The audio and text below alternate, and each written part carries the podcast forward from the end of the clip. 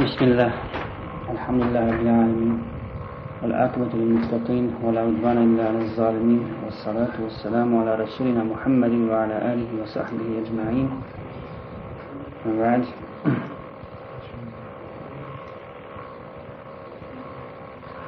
Danas ćemo dakle, inša Allah, govoriti o jednoj vrlo bitnoj stvari, o onome što su ljudi, odajući se dunjaluku, potpuno zaboravili, pa time zaboravili na Allaha u stvari zaboravili su na jednu od najbitnijih stvari, na najveću izvjesnost koja čeka čovjeka i za koju je čovjek sigurno ubijeđen da će doći, a to je smrt. Allah subhanahu wa ta'ala u Kur'anu kaže Euzu billahi mine šeitanir rajim الذي خلق الموت والحياة ليبلوكم أيكم أحسن عملا onaj koji stvara život, koji je stvorio život, koji je stvorio smrt i život, da bi vas iskušao ko će bolje postupati, ko će raditi bolja djela. Allah ovdje kaže prvo onaj koji je stvorio smrt, pa tek onda život.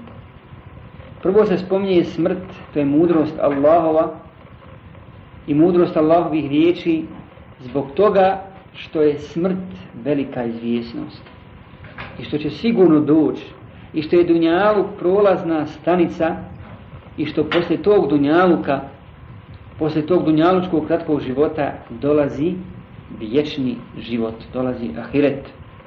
Zato Allah spominje prvo smrt, da bi čovjeka posjetio na to da je on samo jedan prolaznik, kako kaže se budite na Dunjaluku kao kao putnici, čovjek koji se odmara pod jednim drvetom, kratko vrijeme i opet dalje nastavi putovanje. I rekao je Resul sallallahu alaihi ve sellem, često se sjećajte, često se sjećajte uništitelja svih užitaka dunjalučkih, a to je smrt. Ajet kojega ćemo mi danas posebno, inša obraditi jeste ajetu kome kaže uzvišeni Euzu billahi mine šeitan rajim Kullu nefsin dha'iqatul mauti wa innama tuwaffawna ujurakum yawma al-qiyamati faman zuhziha 'anil nari wa udkhila al-jannata faqad faz wa وما الحياة الدنيا illa متاع الغرور kaže uzvišeni svaka duša će smrt okusiti ovo je ajet iz sure Al Imran 185 Svaka duša će smrt okusiti, nagrada će vam se ispuniti samo na sudnjem danu. Ko bude udaljen od vatre i bude uveden u džennet, taj se spasio. A šta je život dunjalučki osim varljivo naslađivanje? Kad vjernik sluša riječi Allaha i razmišlja o njima, svati da je obaveza svakom pametnom čovjeku, svakom onome ko posjeduje razum, da se sjeća smrti i da skrati nadu u pogledu Dunjaluka, jer onaj čija je nada velika i duga u Dunjaluk, taj će sigurno biti izgubljen, obmanut i razočaran. Koliko je ljudi imalo dugu nadu u pogledu Dunjaluka? pa je već određeni eđel pokopao sve nade i očekivanje od Dunjaluka. Koliko je onih koji su pravili velike planove na Dunjaluku, planirali i maštali da ostvare prazne snove i da se ispune njihove bolesne ambicije, pa je to predugo uže nade presjekao eđel smrti u jednom trenu. Wallahi u ovome veliki ibret. Zato je čovjeku koji posjeduje razum da skrati svoju nadu i da od Dunjaluka ne očekuje puno nego da bude zauzet sjećanjem na smrt i razmišljanjem o ahiretu koji dolazi poslije Dunjaluka i koji je vječan. U stvari, sjećanje na smrt i rad za ahiret je najveći kapital i najveći imetak mu'mina. Kaže uzvišeni Men kana yuridu la'ajilata ađelna lehu fiha ma nasha Onaj ko hoće dunjaluk, mi ćemo mu brzo dati onoliko koliko hoćemo i kome hoćemo. Subhanallah, pogledajte mudrosti ovdje u ovim riječima gospodara svih svjetova. Ne kaže Allah onaj ko hoće dunjaluk i ko žudi za njim, mi ćemo mu dati koliko on hoće. Ne. Ne kaže ađelna lehu fiha ma Ono što on hoće. Nego ono što hoćemo mi i kome hoćemo. I koliko hoćemo.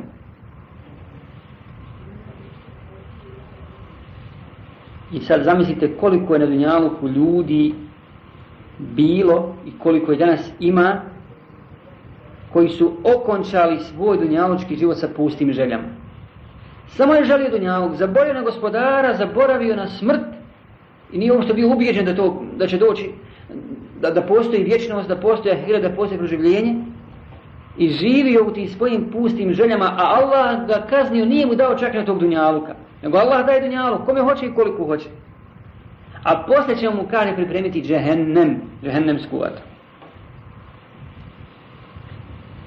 Zato je rad za i sjećanje na smrt kapital. Pa Allah nastavlja dalje u ovoj suri, suri Isra, ومن أراد الآخرة وسعى لها سعيها وهو مؤمن فأولئك كان سعيهم مشكورا a onaj ko želi ahiret i trudi se da ga zaradi a mu'min je trud će mu hvali vrijedan biti Wallahi, dakle onaj ko hoće ahiret i radi za ahiret u ime Allaha Đalešanu iskreno, on je sigurno pobjednik i sigurno će dobiti svoju nagradu. On ne može izgubiti. Allah mu je obećao, a ko dostojnije i ko bolje ispunjava obećanje od Allaha od gospodara svih svjetova. Radi dobro na dunjalu koji Allah mu daje bereket. I priprema se za ahiret i čeka ga nagrada koja je vječna i neprekidna. Dakle, samo onaj ko radi za ahiret, on je sretnik i on će dobiti nagradu koju zaslužuje.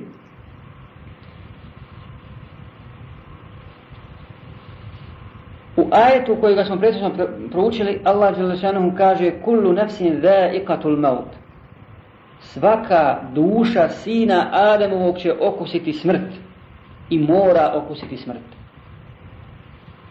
Ono što mi hoćemo istaći jeste veliki ibret i pouku u ovim riječima Allaha koje koristi ovdje. Kaže Allah, dha'iqatun. Okusit će smrt svaka duša. Ne kaže Allah, doći će smrt, doći će eđel, nego okusit će smrt svaka duša. Jer smrt ima okus. Gorak okus kojeg ljudi mrze.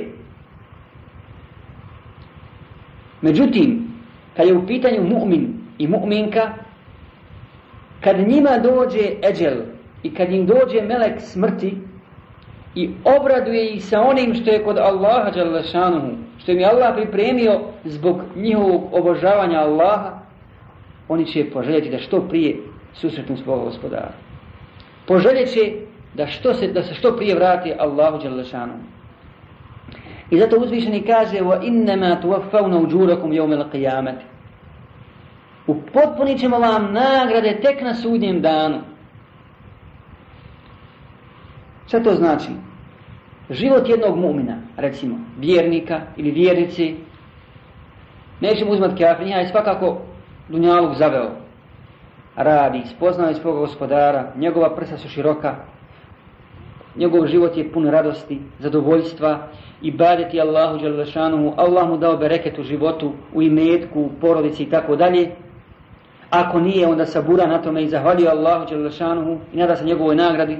Ali, kad sve to ima, kad ima taj kapital, je li sve to završeno? Je li spašen? Je li se osiguruo? Još nije. Još nije. I šta je to upotpunjenje nagrade? Čime se upotpunjava nagrada na sudnjem danu? Kaže uzvišeni فَمَنْ زُحْزِهَا عَنِ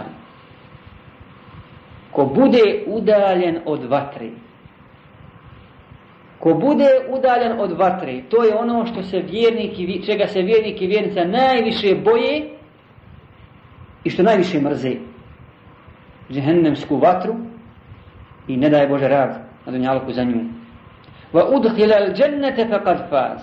A bude uveden džen, u džennet Allahovom milošću, pa taj je spaš, taj je uspio, taj je pobjednik. Dakle, to je upotpunjenje nagrade. Spasio se od vatre na sudnjem danu svojim dobrim djelima i tas dobrih djela na sudnjem danu je prevagnu u odnosu na loša djela i Allah za svojim lošim u džennet. To je pravi spas. To je prava nagrada koju nema slične vallahi nagrade.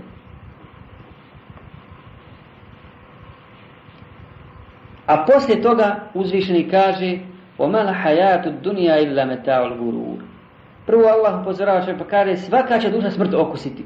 Dakle, život je dunjaločki prolazan, kratak, on je obmana, on je varka, on je isto tako onaj koji zavodi insana, odvodi do sjećanja gospodara. Pa kaže, dobit ćete tek svoje nagrade na sudnjem danu, pa upozorava Allah na to da je najveća nagrada ako se spasi vatri, da je to veliki strah na sudnjem danu. Ako bude veden u džentak, pa kaže, وَمَلْ حَيَاتُ الدُّنْيَا Kad čovjek sve ovo zna, pa šta je onda zaista dunjaluk osim varljivo uživanje, osim obmana, nema na njemu ništa vrijedno da bi se vrijedno pažnje da bi se čovjek samo njemu mogu posvetiti i ništa više. Osim ako taj dunjalog iskoristi na Allahovom putu. Pa je pitao Resul sallallahu alaihi wasallam ashabe kome je od vas draži imetak njegovog nasljednika nego, nego, nego njegov vlastiti imetak? Pa su rekli Boži poslaniče, zar ima neko da mu je draži imetak nasljednika nego njegov imetak? A on je odgovorio, ono što potrošite na Allahovom putu, to je vaš imetak. To je vaše, što, za, što zaradite za ahiret. A ono što ostane iza, iza vas, poslije vaše smrti, to je vaših nasljednika. Oni će to raščapat odmah poslije vaše smrti. Nećemo se ni za I ti od toga nećemo nikakve koristi.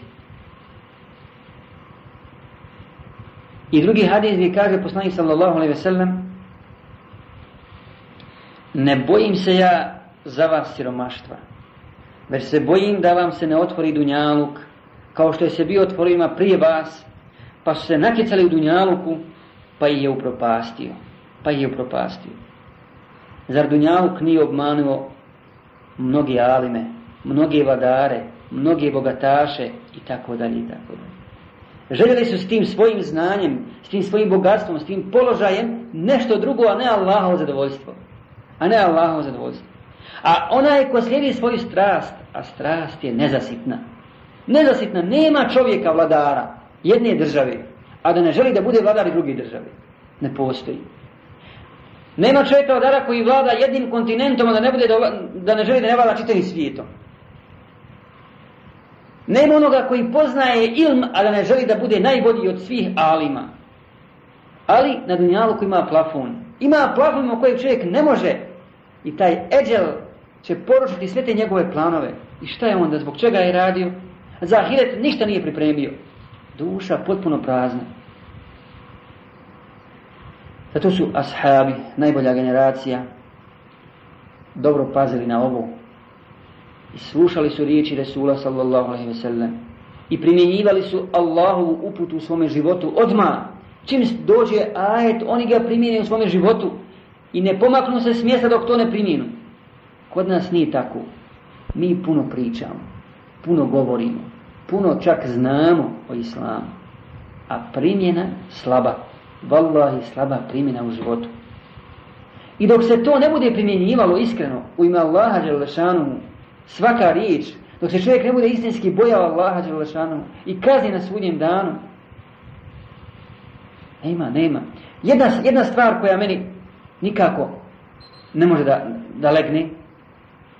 Obični međuljski odnosi među muslimanima, među onima koji se izdaju za sunnetlije, za e, stebenike puta Rasula sallallahu alaihi sallam, ljude koji su izgleda tako da su angažovani puno da rade na tome, međuljski odnosi nisu sređeni. Ako nemam ako, nemam čiste odnose sa svojim bratom, pa kako ću na drugog pozivati? Ili sa svojom sestrom, kako ću na drugom činiti davu? Ako moja prsa svaku večer nisu čista od toga, kad legnem u postelju, nema bereketa u daru, nema bereketa u životu. Onda tu fali i zikra kojega smo spominjali, fali i badeta, fali iskrenog odnosa prema Allahu Đelešanu. Pogledajte slučaj ashaba Omara radijallahu ta'ala anhu. U vrijeme njegovog hilafeta on je poslao ashaba Sejdi ibn Amira u Hums kao namjesnika. Poslije izvjesnog vremena tražio je Omar da mu se pošalje spisak najsiromašnijih ljudi u Humsu. Kad mu je došao spisak, na prvom mjestu je bio Sejid ibn Amir, namjesnik Humsa. Pa je Omer znajući njegovu pobožnost i njegovu iskrenost, uzeo iz Bejtul Mala, iz države blagajne, hiljadu zlatnika i poslao ih se Ibn Kada je dobio taj novac, ovaj iskreni ashab je gorko zaplakao. Pa ga je upitala njegova žena, šta ti je, što plačiš? Da nije umro halifa? Kaže, sto puta gore. Pa kaže da nisu keafiri upali u islamsku zemlju. Kaže, sto puta gore. Pa šta je se onda desilo? Kaže, tvom se mužu otvorio dunjavuk i bojim se da ga ne upropasti kao što je upropastio onaj prije. Dakle, to su bili ashabi. Osvojili su Bizantiju i Perziju i svo bogatstvo Bizantije i Perzije i to je čudno ljudima. Ljudi se čude kada osvojili za nekoliko godina poslije Resula s.a.v. i Bizantiju i Perziju. Ali je još čudnije da im se nije otvorio, da otvorio im se dunjaluk, ali nije ušao u njihova srca. Stalno su bili u vezi sa svojim gospodarom, i nisu na ahiret, jer da je prolazan. I da bi čovjek bio u stalnoj vezi sa svojim gospodarom, da bi se što bolje pripremio za čas smrti i stalno mislio na smrt i ono što dolazi poslije njih, te da bi insan shvatio svoje pravo stanje i koliko on vrijedi, Allah subhanahu wa ta'ala objavljuje. Euhu billahi min rajim u suri Lukman وَمَا تَدْرِي نَفْسٌ مَاذَا تَكْسِبُ غَدًا وَمَا تَدْرِي نَفْسٌ بِأَيِّ Ne zna ni jedna duša, ne zna ni jedan čovjek šta će sutra zaraditi. I ne zna ni jedan čovjek u kojoj će zemlji umrijeti. Subhanallah, eto koliko vridiš čovječe. Ne znaš kako ćeš sutra osvanuti, živ ili mrtav. Šta će sutra zaraditi, hajr ili šer? I ne zna ni jedan čovjek u kojoj će zemlji umrijeti. Ne samo da ne zna kada, kada će umriti, nego ne zna u kojoj će zemlji umrijeti. Ovo je veliki ibret za nas. Kaže Resul sallallahu alaihi wasallam na osnovi hajeta pet stvari niko ne zna osim gospodar svjetova, osim Allah Đalešanu. Niko ne zna kad će sudni dan, niko od stvorenja, pa ni Resul sallallahu kojega je Allah poslao sa istinom kad ga melek pita, učeći ga o islamu, imanu, ihsanu i tako dalje, kad ga Džibril pita, a reci mi kad će sudnji dan? Rekao je, upitani o tome ne zna ništa više od onoga koji ga pita. Dalje, niko ne zna, niko ne zna kad će kiša pasti. Wallahi ne zna. Nema toga stručnjaka i meteorologa koji zna kad će kiša pasti. I ovdje ima još jedna mudrost. Arapska riječ el gajb ne znači samo kišu, običnu kišu. Nego je to kiša u kojoj Allah spušta bereket. Poslije koje niče bilje, poslije koje, po oživi zemlja. A koliko ima kiša u kojima je kazna, koje unište usjeve, da u to meteorolozi znaju. Dakle, u tome je mudrost još jedna ovih riječi. Niko ne zna kad će kiša pasti i koja je plodna, koja je, koja je neplodna, koja je kazna za, ljude. Treća stvar koju niko ne zna osim gospodara svjetova, je niko ne zna šta je u maternici. Medicina je danas, kažu, dostigla svoj vrhunac u poznavanju Međutim, ne znaju to. i ne znaju. Niko ne zna šta je u onoj živoj ćeliji koja posjeti maternicu. Je li muško ili žensko? Je li sretan ili nesretan? Je li, hoće li doći do svog vakta, hoće li biti rođeno živo to dijete ili neće? Ne znaju to Boga. Ni kakav će mu život biti. Ni kak, kakve će boje biti. Će li biti lijep ili ružan, ovakav ili onakav, to ne znaju. I to ne zna niko osim gospodara svjetova. Niko ne zna šta će sutra zaraditi i niko ne zna u kojoj će zemlji umrijeti. Ljudi se pomire s tim da ne znaju ka, kad će umrijeti. Ali kaže, ja ću umrijeti, inša Allah, na svom umrijet ću na svojoj državi, na svom, na svom kućnom pragu, u svojoj kući. Allah ne zna ili će umrijeti u Bosni ili u Palestini, ili u Americi, ili će na kopnu ili na moru, ili u saobraćajnoj nesreći ili u svojoj postelji. Jer to je ibret za čovjeka koji hoće da razmišlja o Allahovim ajetima i da razmišlja o cilju i smislu svoga života. Dalje kaže uzvišeni Ja juha alladina amanu la tulhikum amualukum wala auladukum an zikrillah Man jef'al zalike fa khasirun O vjernici, Allah upozorava vjernike. O vjernici, ne dozvolite da vas dunjaluk da vas i metak vaš i djeca vaša odvrate od sjećanja na Allaha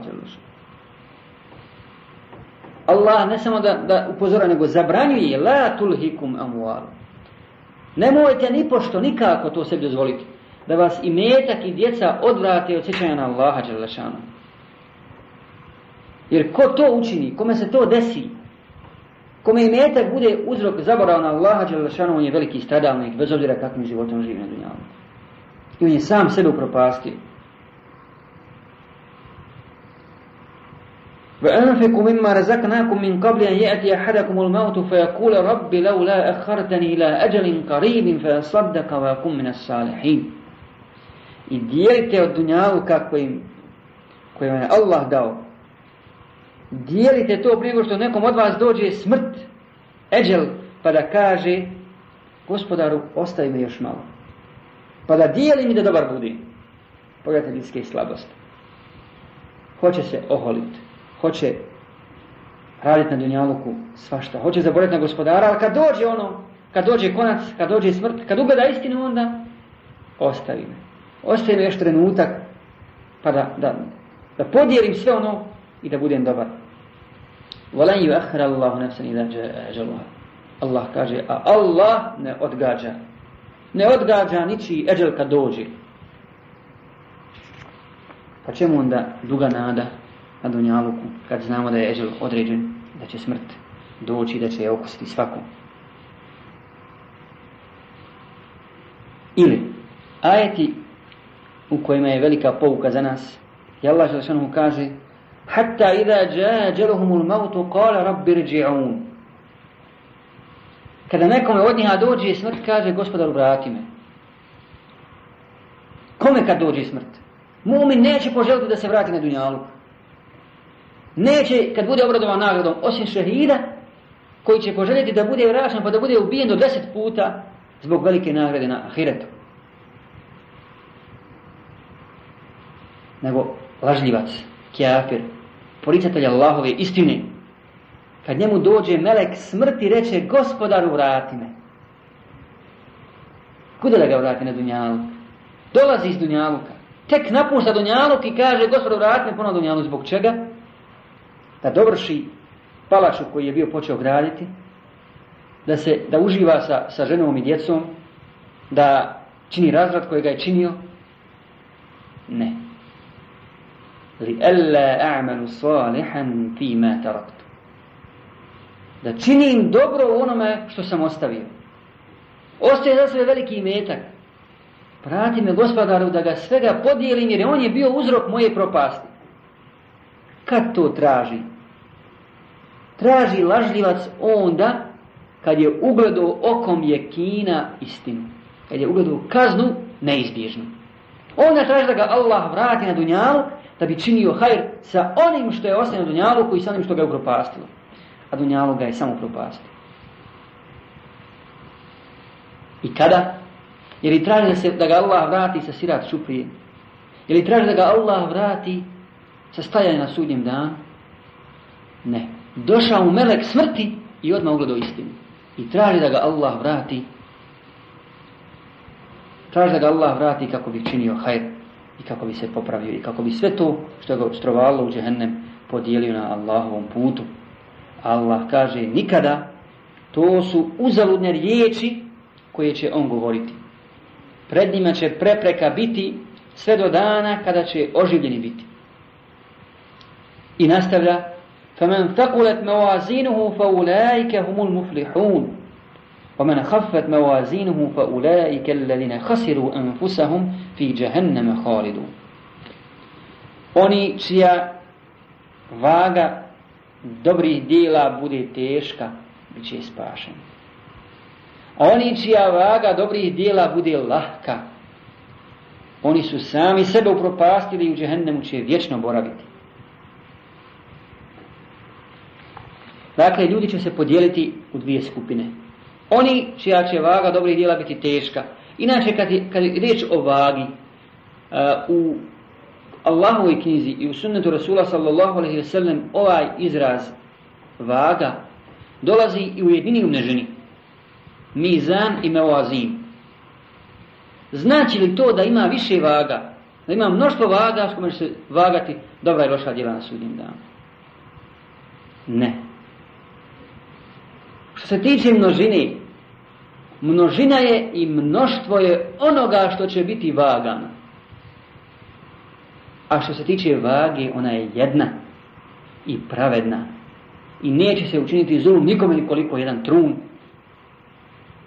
Učenjaci se podijelili oko toga šta će biti vagana na sudnjem danu. Neki kažu da će biti vagana dijela. Za dokaz uzmaju riječi Resula sallallahu alaihi wasallam kelime tani, habibe tani ila rahmani, hafife tani ala lisani, taqile tani ala mizani, subhanallahi bihamdihi, subhanallahi la Dvije riječi, drage milostivom, um. lahke na jeziku, a teške na vagi, su subhanallah i bihamdihi, subhanallah i Pogledajte jezgrovitog govora, pogledajte divnog savjeta Rasula sallallahu Dvije riječi, drage Allahu a lahke na jeziku, a teške na vagi, su subhanallah i bihamdihi, subhanallah i Koliko ih puta danas izgovorimo? Dakle, uzme kao dokaz to da će se vagati dijela. I drugi dokaz iz Kur'ana فَمَنْ يَعْمَلْ hajren ذَرَّةٍ خَيْرًا يَرَ وَمَنْ يَعْمَلْ مِتْقَالَ ذَرَّةٍ شَرًا jara, Ko uradi trun dobra vidjet će ga i ko uradi trun zla vidjet će ga. Oni koji kažu će biti vagani suhufi dijela, odnosno listovi knjiga dijela, uzme za dokaz hadis kojeg bilježi Tirmizi i kaže da je Hasan Garib Hadis nosi naziv Sahibul bitaka. Doći će čovjek na sudnji dan, pa će mu se dati mnoštvo tih papira, mnoštvo suhufa, listova, i kad ih vidi, neće naći ni jedno dobro djelo u njima. Vidjet će da je se upropastio da, da ga čeka kazna. Pa će mu reći Allah Đelešanuhu, ima jedno dobro tvoje djelo koje si uradio za svog života zapisano na jednom papiru i da će mu se taj papir. Jedan put si iskreno u životu rekao la ilaha illallah i srca. Rekao si la ilaha illallah Pa stavte, uzmi taj papir, stavite na ta svagi dobrih dijela taj papir, a na ta svagi loših dijela ostale papire. Pa šta prevagne? Dakle, to je njegova nada. Jedan put iskreno rekao la ilaha illallah. Pa će prevagnuti tas na kome je papir sa djelom, iskrenim djelom la ilaha illallah. Ovi uzimaju kao dokaz ovo da će se vagati knjiga, odnosno suhupi dijela. Neka ulema kaže će se vagati sam čovjek. Sam čovjek će biti postavljen na tas vagi. Pa kaže, uzme za dokaz slučaj Mes'uda, rad, ibn Mes'uda radijallahu ta'ala an, mi smo govorili o tome i znamo iz Sire da je on bio jako slabašan i jako mršav. Toliko da su mu se ne vidjele vene na nogama, nego onaj srž od kostiju se vidio toliko je bio slabašan. Pa je se jedan, jednog dana popeo na stablo Erakovog drveta i zapuhao je vjetar i zamal ga nije oborio sa drveta.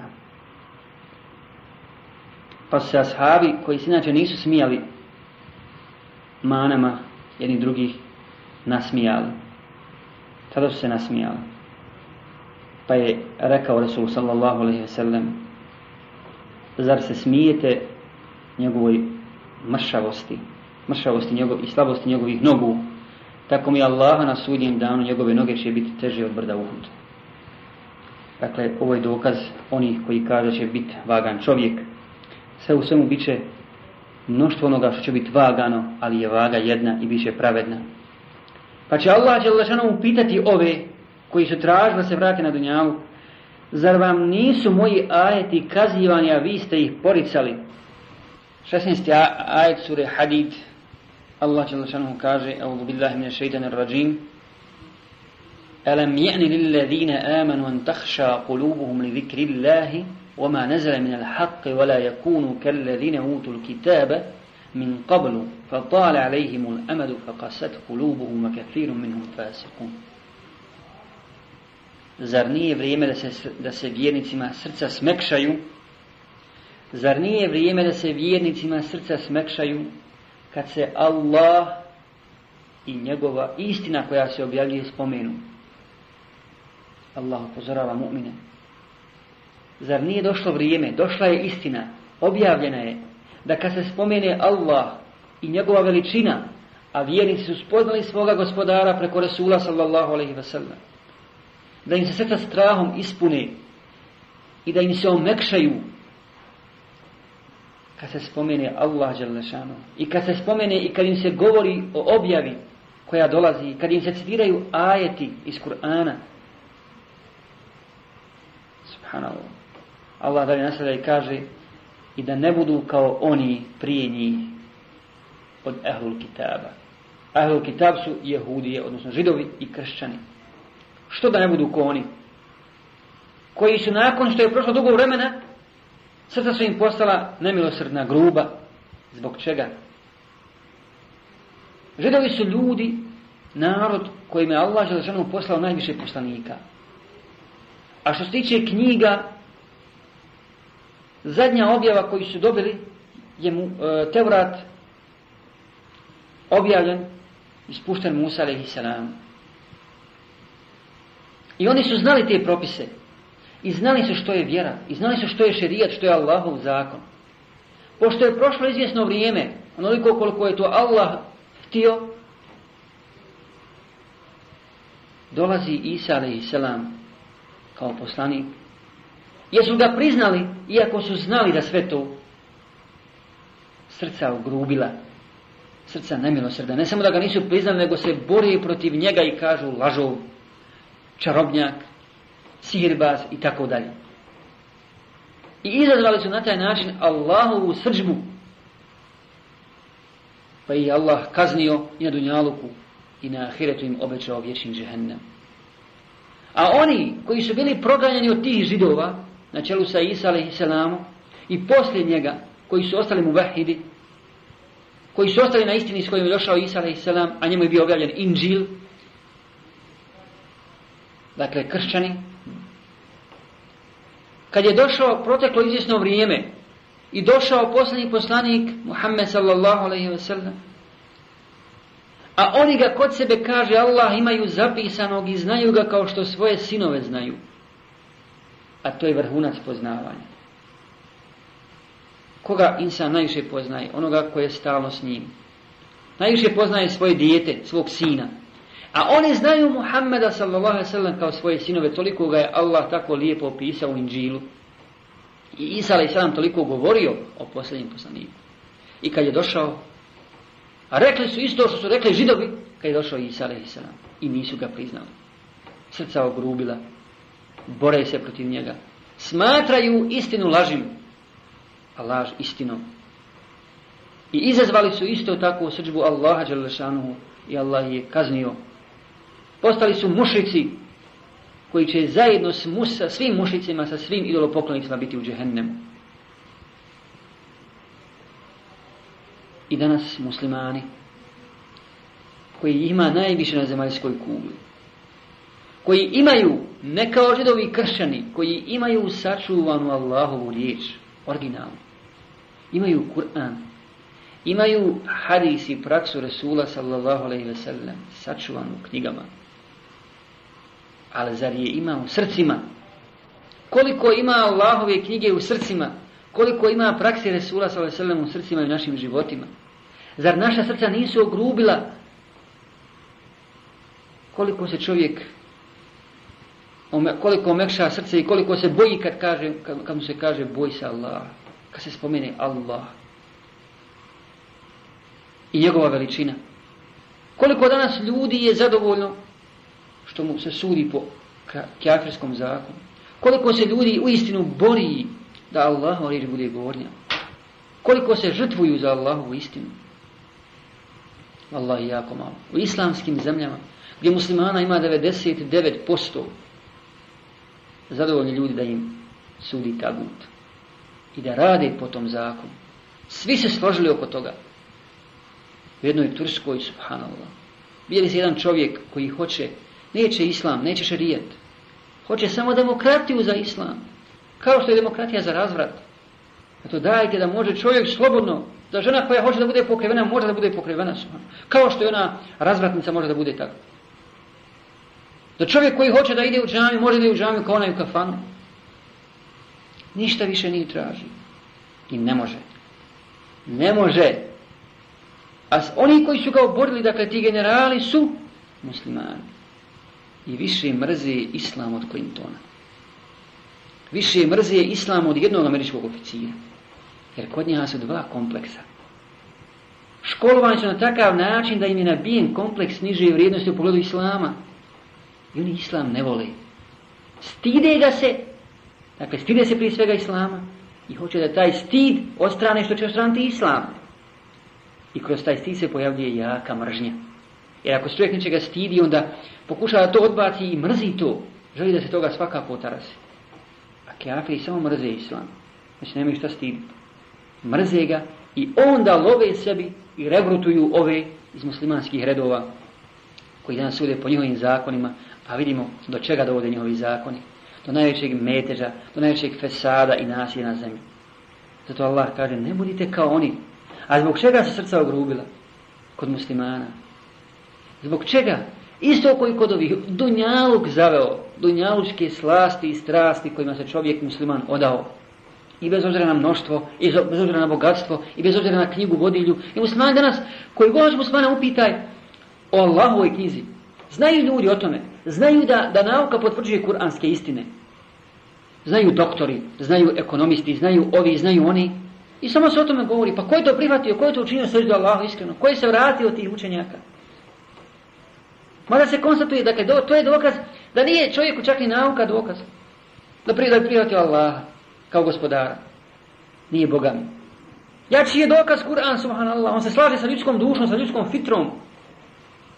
Sa prirodom odgovara, odgovara Allahova riječ. Jer Allah je stvorio čovjeka i objavio mu tu istinu koja odgovori njegovim prsima. Odgovara njegovim prsima. Ali je, ali je skršeno sve u njegovim prsima. I on je prihvatio dunjalu, prihvatio svoj strah za svoga Boga. I ona ga vodi. Kaže Resul sallallahu alaihi ve sellem, uzeo jednog dana Ebu Hureyru i odveo ga na jedno veliko smetlište na kome su bili ostaci od prijašnjih naroda, njihove kosti, njihova istruhla odjeća, izmet i ostalo što se nalazi na smetlištu. Pa je rekao Rasul sallallahu ja Ebu Hureyre, ovo su ostaci prijašnjih naroda. Ovo su njihove kosti. To su njihova tjelesa. Kosti više su odvojene od mesa, istrugle. To je njihova odjeća koja je istruhla u koju se gizdali, šepulili se, oblačili tu odjeću, kitili se njome, da bi izlazili pred ljude, da bi se dopali ljudima, da bi se svidjeli, da bi se nametnuli. Izmet koji vidiš to je ono, to je njihova hrana. Dakle, vidiš u što se pretvorila. I halal i haram koji su pojeli. I to je dunjaluk. I takav je dunjaluk. I zar on vrijedi, zar on vrijedi da se njemu posvjeti pažnja. U stvari on ne vidi ni spomena, osim ako se s tim dunjalukom ne zaradi ahiret. Sljedeći hadis koji želimo navesti jeste hadis u kojem kaže su sallallahu alaihi ve sellem Allah Đalešanuhu najviše mrzi. Allah najviše mrzi oholog, ponositog čovjeka.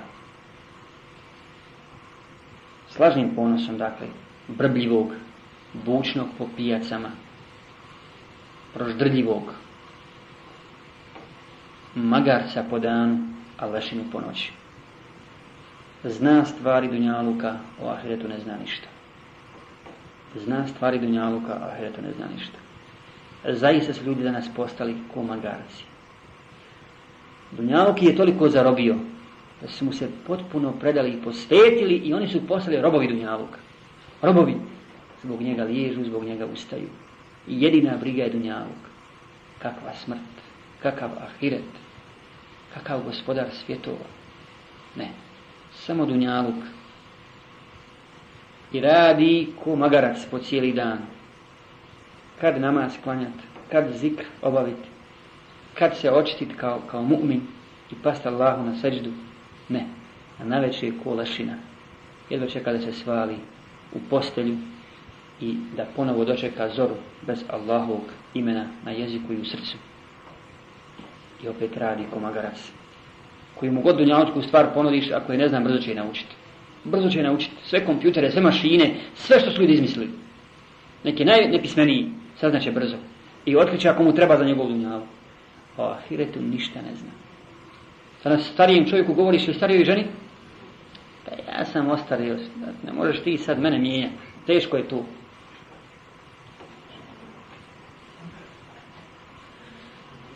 A Dunjaluk može naučiti i po stari dan.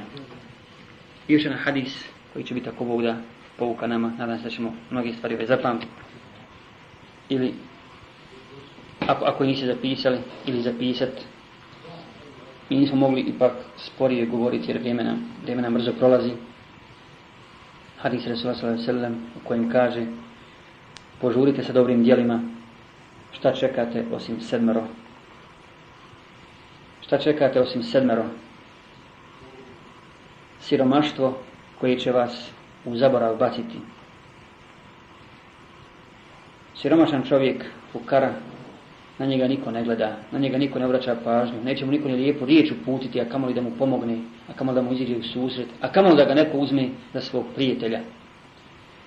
I s druge strane, taj isti siromašni čovjek, ako ga Allah iskuša, iskuša sa siromaštvom, često puta zaboravlja svoga gospodara. Dakle, on bude zaboravljen od ljudi, ali i on zaboravi Allaha, boreći se, radeći, trudeći se da nešto zaradi i tako dalje, pa u tom svom jadu i belaju zaboravi na svoga gospodara. To je prvo. Drugo, bogatstvo koje će vas učiniti oholim. I čovjeku kad se, kad, kad obogati, kad bude ne pa onda ima, onda se osjeti neovisnim. Osjeti se neovisnim i, smatra da je to što sad ima, što posjeduje, to je njegovo od zdravlja, od imetka, od znanja i tako dalje, to je moje. Ja sam toga vlasnik i to neće nikad proći. I zaboravi na taj način na svoga gospodara i sam sebe upropasti. Treći, bolest koja će vas na postelju baciti. Bolest koja će učiniti od tebe da samog sebe zamrziš i da sam sebi postaneš težak. To čekaš. I je to ono što ti očekuješ od Dunjaluka? A to je velika istina, to dolazi. I to čeka svakog insana. Četvrtu, starost koja će vas potpuno istrošiti. Starost koja će ti izvući posljednji atom snage. koja će izvući i isisati iz tebe posljednju živost madalačku. i posljednji atom snage i koja će od tebe učiniti jednu običnu sasušenu granu. Peto, smrt koja je spremna. Smrt koja je svakog trenutka spremna, ne znaš kad će doći. To čekaš. I nadaš se nečemu velikom od Dunjaluka. Šesto je Dajjal, a lošli je odsutni koji se čeka. Stavit će na iskušenje ljude, ali osim mu'mina na njima neće imati vlast. Mumin će ga prepoznati jer na njegovom čelu će pisati kafir, makar taj mumin bio potpuno nepismen. I znači to pročitati. A kafir neće, makar bio najpismeniji. To je mudrost Allahov. Dakle, šesta je stvar Deđal, a lošlije je podsudnik koji se čeka. I sedmo, sudnji dan, a on je najgorči sudi dan, a on je najgorči i to je dan, kako kaže sallam, dan najvećega straha. To je bilo ono što smo danas željeli reći o smrti i o sjećanju na smrti i o dunjaluku i njegovoj kratkoći, njegovoj varljivosti i obmani. Molimo Allaha Đalešanuhu da nas sačuva zavude, da nas učvrsti na istini, da na sudnjem danu učini da tas naših dobrih djela prevagne nad lošim djelima. i da položimo lahko račun, da nam oprosti grijeh i da nas udruži sa onima koji su nas pretekli dobro. Amin. Jazakumullah, khairan subhanahu wa ta'ala.